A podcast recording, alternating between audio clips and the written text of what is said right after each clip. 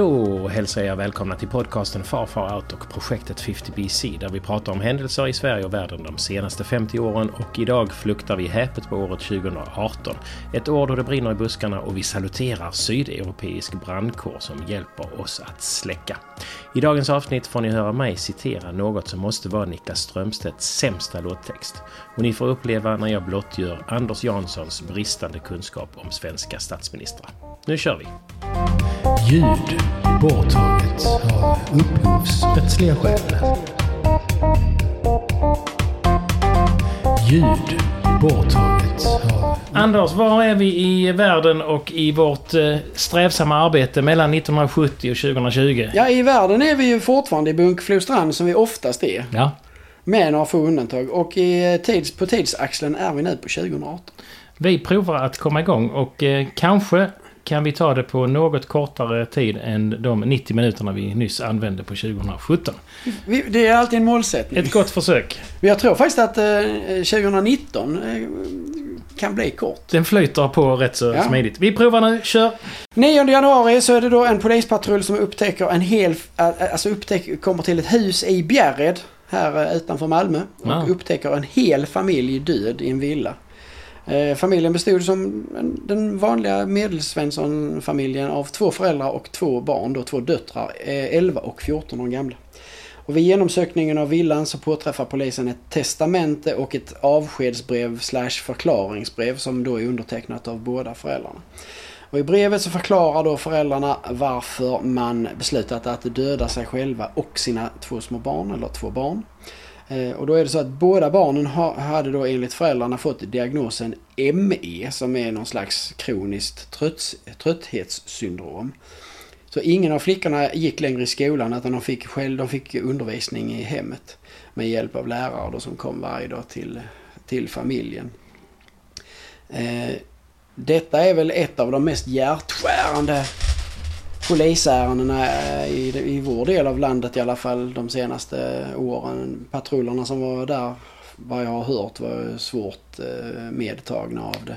Ja. Eh, Ett sånt här så kallat utvidgat självmord är väldigt ovanligt. Väldigt, väldigt ovanligt. Eh, Och just i det här fallet.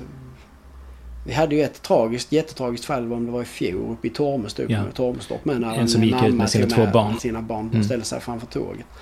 Eh, Men eh, just det här familjen, eller patrullerna åkte dit. Jag vet inte om det var så att någon hade, inte hade sett dem på ett tag så man åkte dit för att göra en undersökning av fastigheten. Jag, jag kommer inte ihåg hur det var. Men att hitta detta liksom. Det, jag kan Ja. inte ens föreställa mig hur det skulle kännas för jag har inte, jag har inte varit, som tur är, inte varit på någonting sånt här. För du har ju sett en del eh, döingar ju. Ja, absolut. Eh, Men inte några barn. eh, Eller, Jo, det har jag också sett men, eh, men det är mer i samband med trafikolyckor Ja. och sånt där. Och det skulle vara värre att se... Ja men det är ju mer att hela, alltså hela tragiken i situationen. Mm. Att som förälder känna att det finns ingen annan utväg än att jag A. tar livet av mig själv. Mm. Men jag tar också livet av mina barn. Även om där finns någon form av eh, Alltså någon psykisk eh, ohälsobild i det så måste det ändå vara bland det mest traumatiska man Mm. kan göra. Alltså att, att komma dit. Jag får ju minne av den här kvinnan som jag, eh, som jag såg i Kongo. Mm. Som då var gripen för barn. eh, barnamord. Mm. Hon hade fått ett barn. Eh, Hon hade redan typ åtta. Mm. Så får hon ett barn till. eh, Och, som hon ju då eh, tog livet av och blev ju, döm, blev ju då gripen för barn. Jag, eh, alltså när jag pratade med henne, man såg henne. He, alltså man kunde riktigt känna hennes själ var död. Hon hade inget annat val för att hon kunde inte mätta. Hon hade liksom problem med att få sina barn hon redan hade eh, att överleva. Mm. Så ett nytt barn var ju liksom en katastrof av en magnitud. Som, Mm. Det fanns liksom ingen annan lösning. Men hur död hon var inombords för det hon hade gjort. Ja. Den 28 januari så vinner även Spanien eh, EM-finalen i handboll över Sverige. Eh, Det var väl en första framgången Sverige hade haft på ett tag. De, Mm. ja, de var i final i OS 2012 väl, men i övrigt så hade de inte haft någonting där. Eh, Vi går till februari. Först februari så förbjuds mobilanvändning bakom ratten i Sverige. Var det bra? Det tycker jag är bra. Det är i och för sig, jag är inte helt säker på hur pass... Det är väldigt svårt att beivra. Det är ju en, en grej Har till som polisen ska liksom Ja. jaga och det blir ju... Det, Har du, varit, eh, har du hört någon eh, av dina kollegor som har stoppat Ja, någon? det händer ibland. Så det händer, ja. Det händer Mm. ibland, men det är inte jättevanligt. Och det, dels tror jag det beror på att dels så blir det ju vanligare och vanligare med att telefonen kopplas i stort sett automatiskt upp till eh, Ja. systemet i bilen. Eh, och dels så är det ju svårt som sagt att, eh, att beivra. Det kräver ju rätt mycket tid. Man ska stå och spana på en massa bilar och se om någon Ja. kör förbi som pratar i Och, telefon. och sen så kan det bli ord mot ord och då blir det, finns det alltid lite... Ja, fast ord mot ord just i, i de bitarna där så... Det är likadant med bilbälte och sånt. Där har, för att det överhuvudtaget ska fungera Ja. så tillskriver ju eh, rättssystemet en polisman högre trovärdighet. Ah, okej. För att annars Ja. skulle det vara helt Ja. omöjligt. Att Köpt. du hade inget bilbälte på dig, jo det hade jag. Och Ja. så ska vi gå upp i tingsrätten. Alltså, Mm. Utan där Nej, blir nej, det nej. bara så. Ja. Säger polismannen att du inte hade bilbälte på dig, så blir det så. Som försäkringstjänsteman kan jag säga att eh, det här är jättebra att man lagstiftar för att eh, det är jätte, jättemycket större risk eh, Ja, för eh, Och det är väl en av anledningarna till att en sån här lag kom också. Eh, vi går till den 9 till 25 februari så, så hålls då eh, olympiska vinterspelen i Pyeongchang i Sydkorea. Det var Ah. väl också en av anledningarna till att, de här, att Nordkorea och Sydkorea bestämde för att ha ett hockeylag tillsammans. Ja. Eh, det här är ett lyckat OS för Sverige som tar 14 medaljer fördelat Oj. på 7 guld, 6 silver, 1 brons. Gulden tas av Charlotte Kalla och Stina Nilsson i längdskidåkning. Mm. Frida Hansdotter och André Meurer i slalom, vilket var rätt fräckt för det var ju sån här brak-överraskning Ja, ja, ja. egentligen båda två, framförallt André Meurer. Mm. Och sen tar Hanna Öberg och herrstafettlaget i skidskytte eh, också guld samt damernas curlinglag som då i det här OS heter lag Hasselborg. Härligt. Och just i curling så heter man inte Sverige utan då heter man Team Hassel. Ja, det är ju ja och nej. I OS heter man ju givetvis Team Sweden. Det är ju ingen som säger i Pyeongchang att nu kommer ett eh, lag Hasselborg. Men däremot så i curling-Sverige så är det Ja. ju inte så att då tävlar man inte vad jag förstår som lag eh, Östersund. Utan Nej, då, nej. då tävlar man som lag Hasselborg Ja. från kanske Östersunds curlingsällskap. Fine. 4 mars eh, så då eh, förgiftas den tidigare ryske dubbelagenten Sergej Skripal och hans dotter Julia eh, i engelska Salisbury. De blir då förgiftade med det här beryktade gamla sovjetiska giftet Novichok. Novichok. Som då även har använts på till exempel han Alexei Navalny. Och, Just det. Eh, Båda två blir medlösa, medvetslösa men de förs eh, till sjukhus tillräckligt snabbt för att överleva. Eh, Han, han du nämnde, vad heter han? Sergej, alltså Alex, Ja. Alex Navalny. Ja, när man hör eh, från Ja, han som blev förgiftad Han har, får väldigt, väldigt ont. Alltså jag vill inte ha det giftet i mig. Shit Du vill vad inte han ha det giftet i dina kalsonger? Shit vad han gnäller. Dejta aldrig en ryss. Sen eh, i alla fall, det går, det tar inte sådär jättelång tid innan eh, brittiska myndigheter de eh, identifierar tre stycken sådana här GRU-officerare. GRU Ja. är ju då den hemliga eh, ryska eh, polisen eller vad man säger. Och när man då, när man tittar på deras beteende och kommunikation i samband med det här dådet så visar det sig också att det visar väldigt tydligt att det har funnits kontakt sannolikt med Mosk- Moskva och direkt med Kreml. Alltså, som, att, och att de ligger bakom attacken på det viset. De vill nog att det ska komma ut. Ja, och sen så, för de, de, de, de, de förnekar ju alltid lite så halvhjärtat. Nej, det var inte vi. Vi förnekar allt kännedom om det. Slut.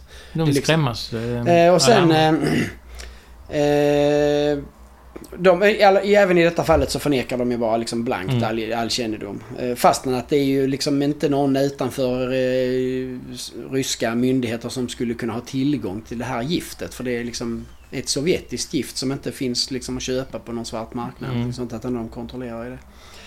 Eh, 18 mars då, när vi ändå är inne på det, så behålls det då presidentval i Ryssland och Vladimir Putin blir omvald med 71% av rösterna. Han är populär. Ja men det som är, han har ju i alla fall blivit så klädsam. För förr var det ju alltid så att de vann med 99% av rösterna i alla sådana här länder. Men 71 det är ändå sådär som att det skulle ju Ja, ja. teoretiskt kunna hända. Vi surrade om detta förra veckan, eller förra avsnittet tror jag, eller om det var förrförra. Om eh, presidenter på Kuba. Ja, 19 april så avgår då Kubas president Raúl Castro. Det var vad vi Ja. pratade om, alltså Fidel Castros bror eller... det var lite avisning mellan USA och Kuba. Ja. Och där frågar vi eh, oss själva om eh, Raul fortfarande var kvar. Och det var han alltså fram till... eh, Den 19 april eh, här. Och då efterträds han av Miguel Diaz Canel. Mm. Jag utgår från att det uttalas kanel. Men det är roligt att säga att han heter kanel. Ja. 20 april då eh, begår Avicii, den jättekände svenska DJn och musikern, självmord på ett hotellrum i Muscat i Oman. Mm. Han är på besök hos någon jätterik där som han får bo. Och han har dragit sig tillbaks. Ja, han har Mm. lidit av psykisk ohälsa Mm. länge, länge, länge och har väl inte hanterat eh, eh, kändisskapet så bra heller kanske. Nej. Jag vet inte. Och eh, 12 juni så är det ett toppmöte mellan Nordkoreas ledare då Kim Jong-Un och Donald Trump. Det äger rum i Singapore. Jag undrar om inte det är efter det mötet som han kommer hem och säger nu har vi ett avtal här och så är det liksom bara ett papper som de två har skrivit under som liksom står hej jag var här. Det är liksom det är helt, Ja. eh, det finns, står liksom ingenting i det men han håller upp det och tittar här nu. Jag vet inte om det är där eller om det är vid något Nej, senare nej. tillfälle. Framförallt så ställer jag mig frågan. Trump har ju då alltså i ex i ganska lång tid tokhånat honom som Mm. the crazy träffar- little rocket man och sen så ska de plötsligt ha Jättekonstigt. Det är, alltså att man ens åker dit liksom. Mm. Eh, 14 juni så inleds eh, VM i fotboll 2018 i Ryssland. Ett sånt här ytterligare sånt korrupt köpt VM. det som är bra är att Sverige går till kvartsfinal. Det var bra. Och förlorar mot England. Frankrike blir mästare efter att ha slagit Kroatien i final. Zlatan var inte med. Nej, det var första gången han inte fick vara med va? Ja, då gick det ju bra också. Så det... Eller fick vara med, han skulle väl säga. Nej, han hade ju slutat i landslaget. Slutat. Så det var nog inte att han inte fick. Han tyckte ju att eh, han tyckte ju där i början att Janne Andersson var rasist och inte tog, bara Ja, tog ja. ett svenskar eller vad det var. Så det var ju någon sån, han hade något delirium. Ja. Sen kommer nästa sån här 19 juni. Då lämnar USA FNs råd för mänskliga rättigheter. Oj. Först Unesco och sen rådet för mänskliga rättigheter. Vad exakt är det man vill... Alltså, nu är det uppenbart att Trump inte tycker att mänskliga rättigheter är någonting liksom att bry sig Nej. om. Men det är ganska konstigt att man officiellt gör de här grejerna. Man kunde ju liksom bara obstruerat arbetet och bara låtsat att man, att man inte deltagit. Men Mm. att man gör en officiell grej av det och lämnar de här. Det, det, det övergår mitt begränsade förstånd. Fullständigt. Ja. Eh, Den 23 juni sen så, eh, så eh, försvinner ett fotbollslag.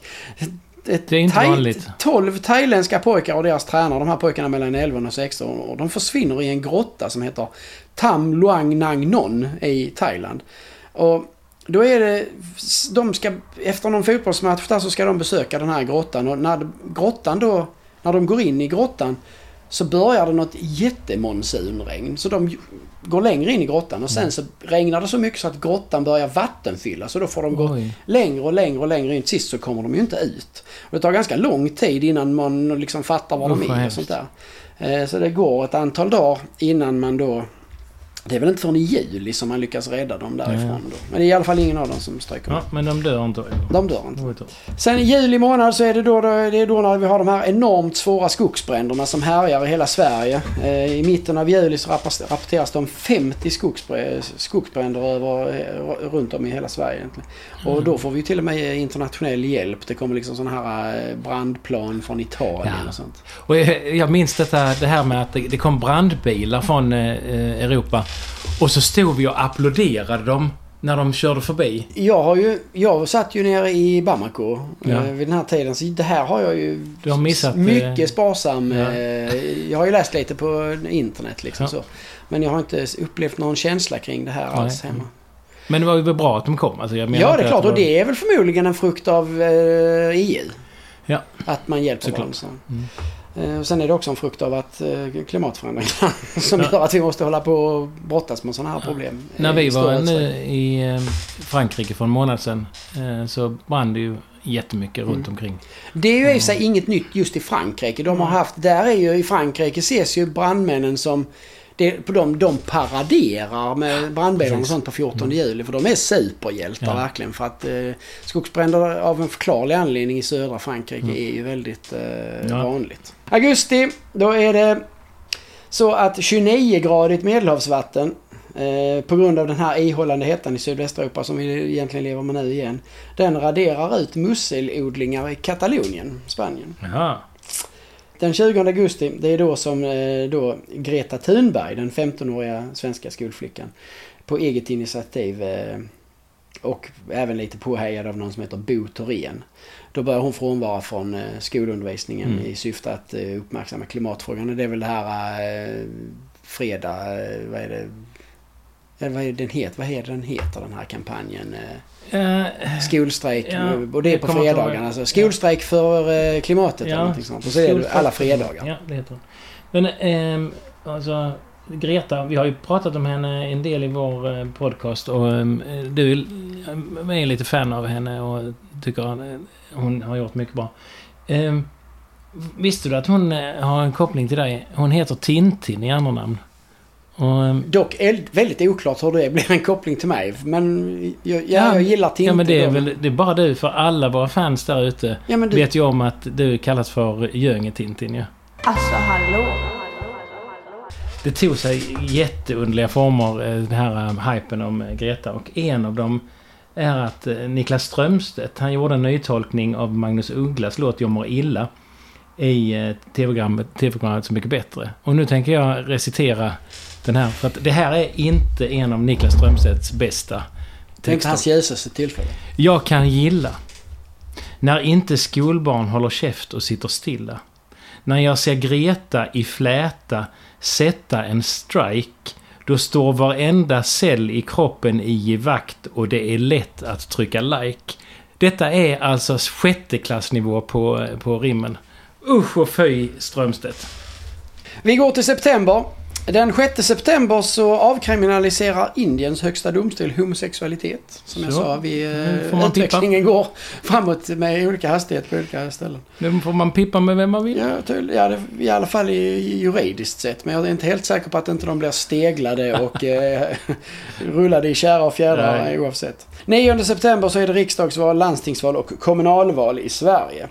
Eh, och den 24 september så eh, samlas då den nyvalda svenska riksdagen och Moderaternas Andreas Norlén väljs till ny talman. Och jag är osäker på om Andreas Norlén, Norlén tycker att den 24 september är en dag han vill minnas med glädje. Nej, jag gillar inte den dagen. För han blir ju en eh, antihjälte och väldigt eh, står ju, det, vad, vad, är, vad går det? Över, över 100 dagar eller någonting Ja.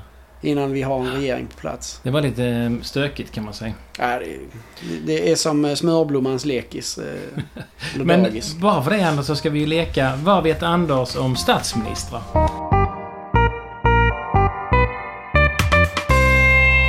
Du får några ledtrådar och eh, det är då statsministrar. Och där finns en tvåpoängsnivå och en enpoängsnivå. Och sen finns det en 0,5% nivå ifall, ifall du är totalt värdelös. Eh, på tvåpoängsnivån, den första. Eh, från Umeå. Har skrivit en memoarbok som heter Så blev det. Föräldrarna var skogsinspektör och småskollärarinna. Borde ju rimligt. Låter ju som om det är Torbjörn Fälldin. Nej. 1. Varit ambassadör i Kanada och Italien. Okej. Då blir det mesnivån 0,5. Statsminister 1978 till 1979. Jaha, var det Ola Ullsten? Ola Ullsten. 0 0,5 poäng. Var han också från Norrland? Ja. Pappa Bruno, det är på tvåpoängsnivån. Pappa Bruno var politiker fram till att han lämnade alla uppdrag efter att ha blivit fälld för rattfylleri. På enpoängsnivån. Mamma Birgitta var ledarskaps och managementkonsulent. Gift med sin tidigare presschef. Jag har ingen aning. Eh, 0,5 nivån är en skallig moderat. Fredrik Reinfeldt. Nästa då. Eh, två. Gift med, bibliotekar- gift med bibliotekarien Ingrid född Melander. Ja men det är det inte Stefan Löfven? Nej. Nej. Ett Växte upp i Borås, stor supporter av Wolverhampton Wanderers och IF Elfsborg. Ja, då är det väl eh, Ingvar Carlsson. Ingvar Carlsson, jättebra. Du har en, två poäng Nej, har det är du. för dåligt detta. Men det här är ju verkligen inte min... eh, Nu har du hittat en kategori där du kan dra, dra med brallorna. Eh, Två poäng. Uppväxt i Uppsala som enda barnet till Göran, lektor i statistik och Birgitta, lärarinna. Uppsala. Ja, det är väl, då är det säkert Ulf Kristersson. Men han har Nej. ju inte varit statsminister förresten så det kan inte vara. Det- Det är det inte. Jag fortsätter. En poäng. Som ung simmare på elitnivå har varit överdirektör vid Skatteverket. Nej. 0,5 nivån den mest aktuella av dem alla. Stefan Löfven. Nej, det mest aktuella av dem alla. Alltså Magdalena Andersson. Ja. Jo! Nu när du säger det, det visste jag ju förresten det med simningen. Det Ja. visste jag ju Ja. faktiskt, men jag var helt fast i... Sista nu då. Eh, Två. Var engagerad i rökarnas intresseorganisation Smokepeace på 80 och 90-talet. Vi har alltså haft en statsminister som var engagerad i rökarnas intresseorganisation. Ja, och eftersom det var på 80 och 90-talet så kan det ju liksom... In, Ingvar Carlsson har redan frågat om. Palme Ja. levde inte och de andra Nej. levde inte heller. Så Ja. då måste det ju vara antingen Göran Persson, Carl Bildt. Mm. Det bör ju rimligtvis vara någon av dem. Ja, det kan ju... Ja... Nej, ja, nej, då är det ju säkert... eh, det kan inte vara Carl Bildt. Det måste vara Göran Persson. Då. Eh, en poäng. Varit eh, styrelseledamot i Svenska Handelsbanken i fem år. Stark motståndare till kärnkraften. Du tar det på 0,5 nivån. Styrelseledamot av Svenska Fåravelsföreningen i tio år. Ja, jag har inte fler statsministrar. Om du tänker dig en, en med pipa som eh, tycker om... Eh, Torbjörn Fälldin. Torbjörn Fälldin. Det var det. Du fick en, nästan inga poäng, Anders. Nej.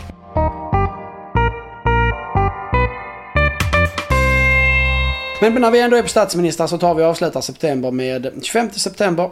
Så entledigas då Sveriges statsminister Stefan Löfven efter att han röstats bort av en majoritet i riksdagen. Så lekis, eh, sm- dagis Ja. smörblom, han kör på fullt, vid full eh, hastighet. Den 8 oktober så publicerar FNs klimatpanel en rapport om konsekvenserna av global uppvärmning med 1,5 grad.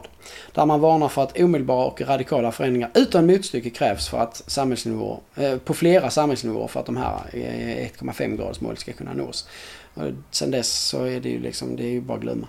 Ja. Sen eh, 28 oktober då fyller vi på våran, eh, våran pokerhand Med ytterligare en dåre. Ja. För då, eh, då segrar högernationalisten Jair Bolsonaro eh, i eh, presidentvalet I Brasilien, Brasilien. ja. Och börjar ganska omgående hugga ner hela Amazonas. Det vill säga operera ut en tredjedel av våra lungor och kroppen. Mm. Mycket stabilt jobbat. Sen den 6 november så är det mellanårsval i USA och där får Demokraterna majoritet i representanthuset för första gången på åtta år. Det här är ju något konstigt det här att de har olika. De Mm. har, man, man väljs för två år eller sex år. Det är väl två år i senatsvalet och Jaha. sex år... Nej, det är, det är två år i representanthuset och sex år i senaten tror jag. Okej. Så att de undviker ju att det- blir ju nästan aldrig någon stabil politisk Nej, nej. makt eftersom de tenderar ju alltid att förlora. De som sitter förlorar ju alltid Ja. mellanårsvalet. Jag, jag förstår liksom inte riktigt det heller men det är klart eh, konstitutionen skrevs på 1770-talet och de, när de skrev den så funderade de inte ens över att det skulle bli en sån sak som partier utan de Nej, menar nej, på nej. att alla skulle bara eh, rösta liksom på Ja. den de tyckte var bäst. Den 14 november så röstar Sveriges riksdag emot talmannens förslag eh, om att utse moderatledarna, eller moderatledaren till eh, statsminister. Ulf Kristersson. Ja, eh, och röstsiffrorna är 195-154. Och, eh, Men däremot så röstar de ja till en eh, ny eh, yttrandefrihetsgrundlag och en tryckfrihetsförordning. Eh, visste jag inte att vi hade en ny. Men... Ja, plus att eh, man inte längre skulle ha... Ja, de, att man ska skattefinansiera eh, tv-avgifter. Ja, Det var ju ett sån typisk grej som byggdes eh, på Folkhem-Sveriges tid när folk gjorde, när folk gjorde rätt upp. för sig. Liksom, ja, klart jag betalar den. Sen insåg de ganska snabbt att det kostar mer pengar att försöka dra in från de få som inte betalar. Det finns en, en rolig sketch med Galenskaparna om det när TV-pelaren kommer och knackar på och sen så säger han, eh, ja, eh, du har inte betalat din TV-avgift. Jag har ingen TV, sa han. Och så tittar han in och sa men eh, vad är det där då? Ja, det är ingen TV, det är ett akvarium. just det. Så, vad gör Carl Uno Sjöblom i ditt akvarium? Det är inte Carl Uno Sjöblom, det är en brax. en klassiker. Ja. Samma dag, 25 november, så eh, öppnar ryska krigsfartyg eld mot ukrainsk, ukrainska fartyg i Kertjsundet. Och det trappar då upp konflikten mellan Ukraina och Ryssland. Och det här är grejen. Här har ju alltså egentligen pågått en konflikt hela Ja. tiden. Och ändå sitter vi ganska ovetande och Mm. och tror in i det sista att nej men han kommer inte gå in i Den Ukraina. har liksom ulmat. Det förstår man ju nu när vi har gått igenom det. Men jag inte tro, Jag trodde det var 2014 och sen så var det ingenting och sen kom det nu igen. Det är obegripligt för mig att ingen liksom, ända, fastän att han mustade upp liksom 100 000 man precis vid gränsen så är det ändå, ända tills han går in, när, de, vä- väl, när han går in 24 februari så är folk liksom bara va? Helt förvånade. Till och med ukrainarna. Ja, och, och så eh, det som också är jobbigt. Jaha, nu har vi inget vete längre i världen. Nej, det är Nej, så- För det är ju inte så att folk har fattat heller var det kommer ifrån. Nej. Man, alla man pratar jag visste inte att Ukraina var ett sånt stort lantbruksland. Nej, de är ju Europas kornbod och har varit alltid liksom. Ehm, Då går vi på de avlidna lite snabbt. 27 januari så dör Ingvar Kamprad, 91 år gammal. Ja, Övrig presentation eh, behövs ej. Den lille från Gunnaröjd, Almaröjd. Ja, precis. Eh, Nej, vänta. Vänta, vad säger jag? Elmaröjd är Gunnaröjd. Nej, är det inte, El, är det inte Älmtaveka Gunnar eller någonting sånt? Ja, ja. 13 februari också, det är bara för att hedra dig, då dör eh, prins Henrik av Danmark. Han är då, då eh, make till eh, drottning Margrethe. Så han är ju då alltså Danmarks drottning Silvia. Ja, fast inte alls omtyckte ju. Han var... Alltså danskarna tyckte ju inte om sin prins. Men de För- älskar ju Margrethe. Ja, de älskar sin drottning men eh, drottninggemålen har de aldrig tagit sitt hjärta. Och det är för att han är franskt dryg, arrogant. Är han fransman? Ja, ja. Och tycker ju då att Danmark är ett lilleputtland och så, här. så han har haft en del Han har- uttalanden som har gjort Han att... har precis den sidan som kan vara väldigt Som danskarna bara hatar. Ja. Jag ska bara säga, men sen sist när han dör, då plötsligt så, tar, så tycker alla danskar Ja, men så är det ofta. Det är konstnärer och sånt blir ju aldrig Ja, brända nej, förrän de dör. Då. Så är det. 2 april så dör Winnie Mandela, eh, Nelsons eh, Mm. före detta fru. Och Ja, de skilde sig ju. Ja. De, det var ju, de, hon hö- höll fast vid honom i Ja. alla år han satt i finkan och sen kom, Sen de ut, kom han ut och sen inte. så var det, Åh, var vad gick det två år sen. Ska, Ja, nu får det vara slut på det här. det är ett tecken på att långdistansförhållande är någonting att satsa på. 30 september så dör Kim Larsen. Ja, ja, det är en dansk artist. Ja, vad ska man säga? Lille Han är. Danmarks eh, Björn Afzelius. Ja, kan man säga, fast eh, mycket Mikael större. Kanske. Nej, för han hade ju en rockgrupp, Gasoline. Ja, han var ju med i Gasoline, men han var... Sen blev han lite sing-songwriter efter det, kan man säga. Jo, men alltså jag menar så här i folklighet och sånt. Så, Ja, jo... eh, det fast- var inte alls samma mus- musikstil, inte det jag menar. Men... Snarare eh, eh, eh, Ulf Lundell, eller... Ja, det är en bra liknelse. Ja. Det är en bra. Ulf Lundell är en bra liknelse. Mitt i natten Mitt i natten Yes! 80 minuter. Och jag vet inte, vad- vi ska ju ha en eh, bästa händelse. Ja, men jag har ingen aning om vilken som är bästa händelsen. Ja, den är inte helt enkel. Oj, oj, oj. Greta Thunberg.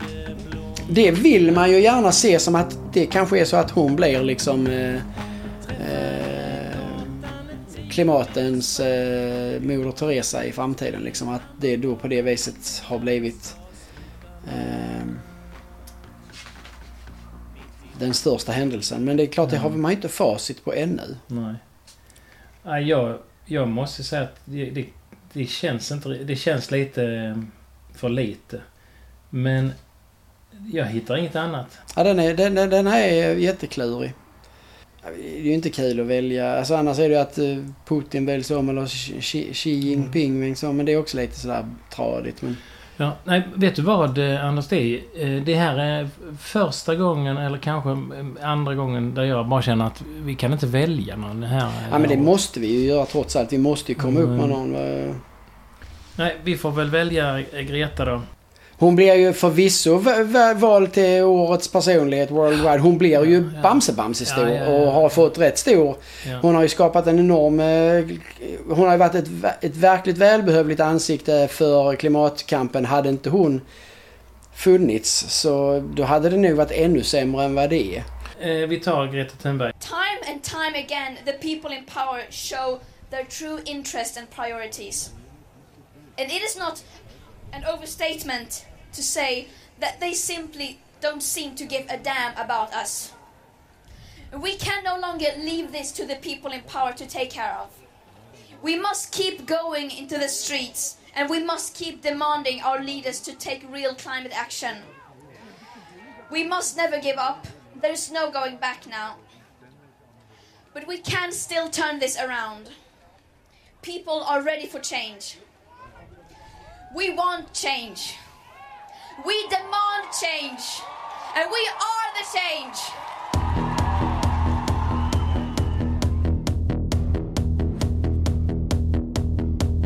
Ja, kära vänner, då är vi igenom året 2018. Ett år där vi som största världshändelse väljer en liten skolflickas skolkning och strejk utanför svenska riksdagen. Som årets soundtrack valde jag Shadow med Lady Gaga och Bradley Cooper. Jag tackar för att ni lyssnar och hoppas vi ses år 2019 eller möjligtvis i något extra material som kan komma om året 2018. Hej hej!